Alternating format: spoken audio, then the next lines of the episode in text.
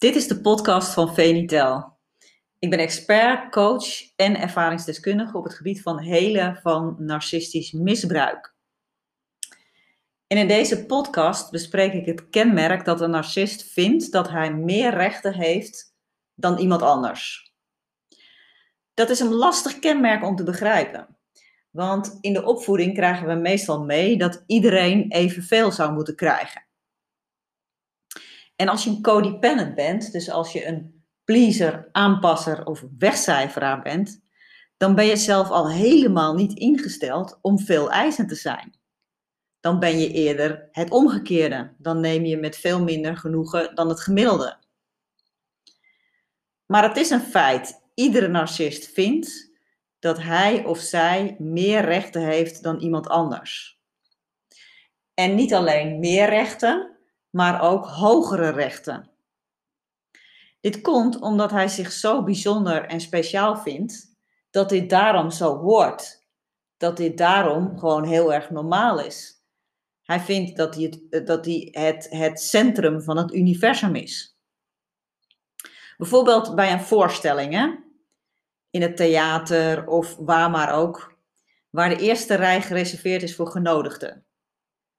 Nou, dan vindt een narcist het heel normaal dat hij of zij daar toch gaat zitten, ook al is hij hier niet voor uitgenodigd. En ook als hij iets met jou wil doen hè, en jij kunt niet, het past niet in jouw agenda, dan vindt hij het heel normaal dat jij je afspraak verzet. Andersom, als jij dat aan hem vraagt, dan is hij niet bereid om zich aan jou aan te passen. En ook dat vindt hij dan weer heel normaal. Ook vindt hij het heel vanzelfsprekend dat jij en anderen altijd voor hem klaarstaan. Hem helpen, hem assisteren. En een narcist geeft ook weinig complimenten daarvoor. Zelfs als het iets heel bijzonders is wat je voor hem gedaan hebt. Nou, een narcist weet ook meestal heel veel van anderen gedaan te krijgen. En dat komt omdat er gewoon veel mensen zijn die graag willen helpen dat zit ook in onze menselijke natuur. Hè? Van dat als je iemand anders helpt, dan word je daar zelf ook blij van. En een narcist heeft er een radar uh, op uh, bij welke, welke mensen dat het meeste doen. En als je een codependent bent, dan ben jij bovengemiddeld iemand die graag wil helpen. Dus hij maakt er onbeperkt gebruik van. Je zou ook kunnen zeggen misbruik, maar daar zijn er natuurlijk twee voor nodig. Dus als jij je ook dat steeds uh, maar laat gebeuren, dan laat jij je ook misbruiken, dan laat je ook over je grenzen heen gaan. Nou, ook vindt bijvoorbeeld een narcist het heel normaal om veel meer tijd in beslag te nemen als gemiddeld. Dus um, om langer aan het woord te zijn en vaker aan het woord. Uh, of ook om de ander heel lang op hem te laten wachten dan vindt hij ook helemaal niet dat hij zich daarvoor hoeft te excuseren of moeite hoeft te doen uh, om de ander ook aan het woord te laten en uh, om ook rekening te houden met de ander. Ook ruimte innemen kan een narcist heel goed. En die vindt het hierbij ook heel normaal om het allergrootste deel van de ruimte in te nemen, terwijl de anderen minder hebben.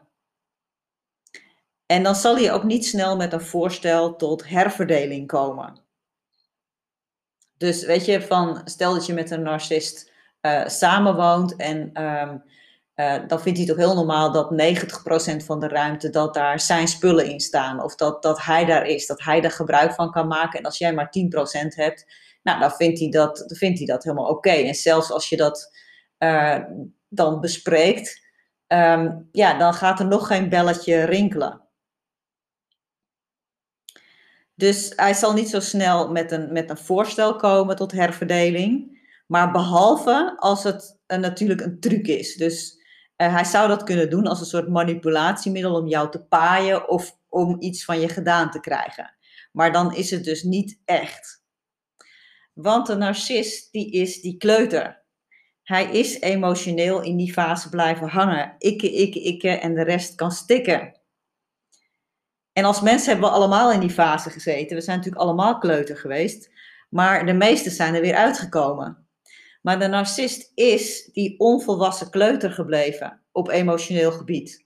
Maar nu wel in een volwassen verpakking.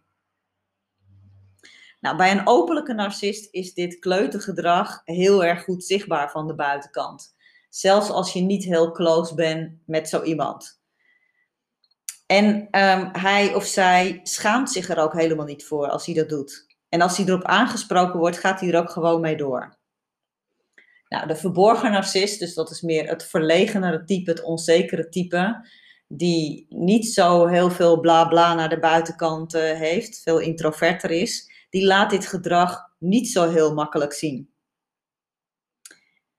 En bij zo iemand, bij een verborgen narcist, dan zie je het eigenlijk alleen maar als je heel lang en vaak samen met zo iemand bent. Want dan kan die dat ook niet zo lang verborgen houden. Zoals bijvoorbeeld in een liefdesrelatie of in gezinsverband of in een hele intensieve werkrelatie waar je echt heel vaak bij elkaar bent en ook heel lang. Dan zie je het wel. Nou, als je te maken hebt met misbruik van en door een narcist, dan is het allerbelangrijkste je hier bewust van te worden. Dat is het allereerste wat je te doen hebt. Nou, met deze podcast wil ik hieraan bijdragen. Maar als je nou nog meer informatie wil, dan kun je even een kijkje nemen op mijn website www.venitel.nl. En Venitel schrijf je als F-A-N-Y-T-E-L. Nou, vond je dit een waardevolle podcast? Abonneer je dan even. Dan krijg je direct een melding als er een nieuwe podcast klaar staat. Ik kan het ook heel erg waarderen als je een like geeft of een opmerking maakt. Ik zie je heel graag weer bij een volgende podcast. Doeg!